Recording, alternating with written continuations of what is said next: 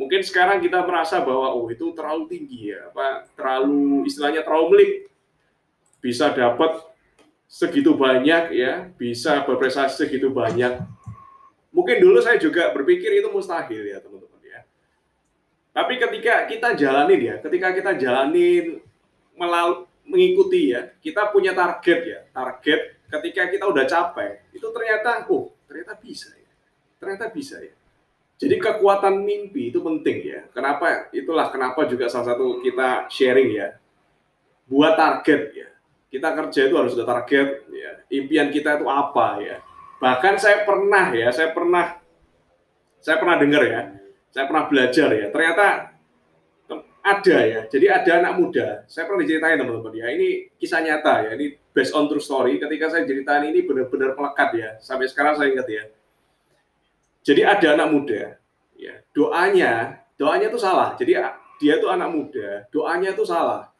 Doanya itu tiap hari dia berdoa, saya minta duit 5 triliun ya. 5 triliun loh teman-teman ya, bukan 5 miliar ya, bukan 5 juta ya. Dia nggak ngerti triliun itu ternyata besar banget ya, dia nggak ngerti ya. Jadi salah ya, doanya itu salah ternyata ya. Padahal pengennya dia tuh maksudnya dia bilang itu pengennya pengen 5 juta ya. Dia doain ya terus menerus ya. Betul ya, didoain terus menerus ya. Ternyata ya, berapa saat kemudian itu terjadi teman-teman ya. Terjadi ya.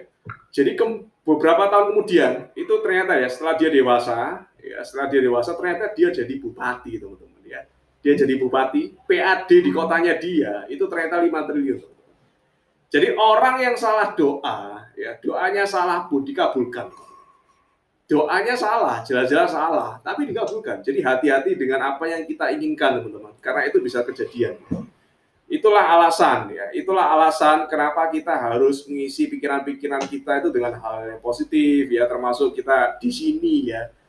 Itu kita nyempetin waktu untuk apa untuk membakar semangat ya jadi pikiran kita itu diisi hal-hal yang positif kita walaupun di luaran tuh serem banget ya jadi di teman-teman bilang ya WA terus story situ sudah meninggal situ udah tewas situ kena covid padahal udah divaksin dan lain sebagainya teman-teman ya jadi situasi di luar tuh sedang mencekam teman-teman penting banget kita kumpul di sini ya untuk apa? Untuk mengingatin kita bahwa hidup itu harus diisi dengan hal yang positif ya. Jadi apalagi orang sukses teman-teman ya, orang sukses, orang-orang kaya, kita kan pengen ya. Itu orang kaya itu seperti lebah, ya. orang sukses itu seperti lebah. Dia memang dapat duit, ya, dapat duit dari orang lain, dia making money, tapi dengan memberikan manfaat yang jauh lebih besar memberikan manfaat yang jauh lebih besar dari duit yang kita kita terima ya.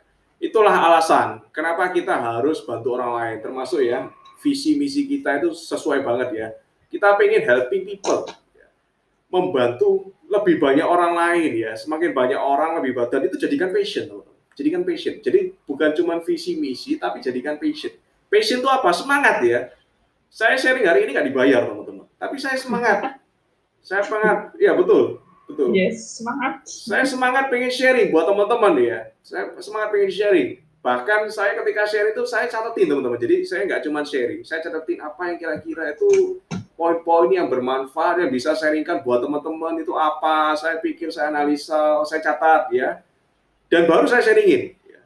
Dan saya mau luangin waktu. Kenapa? Karena itu udah jadi passion ya. Orang-orang yang punya passion adalah orang-orang yang dibutuhkan untuk dunia dibutuhkan orang-orang, dibutuhkan dunia. Orang mau bayar mahal kepada orang-orang yang memiliki passion. Itulah alasannya. Kita nggak, kita jangan ngomong dulu terlalu tinggi ya. Income sekian ratus juta, ya, income miliaran. Tapi kalau kita nggak punya passion, jadi passion itu penting banget ya. Dan passion kita di sini adalah happy.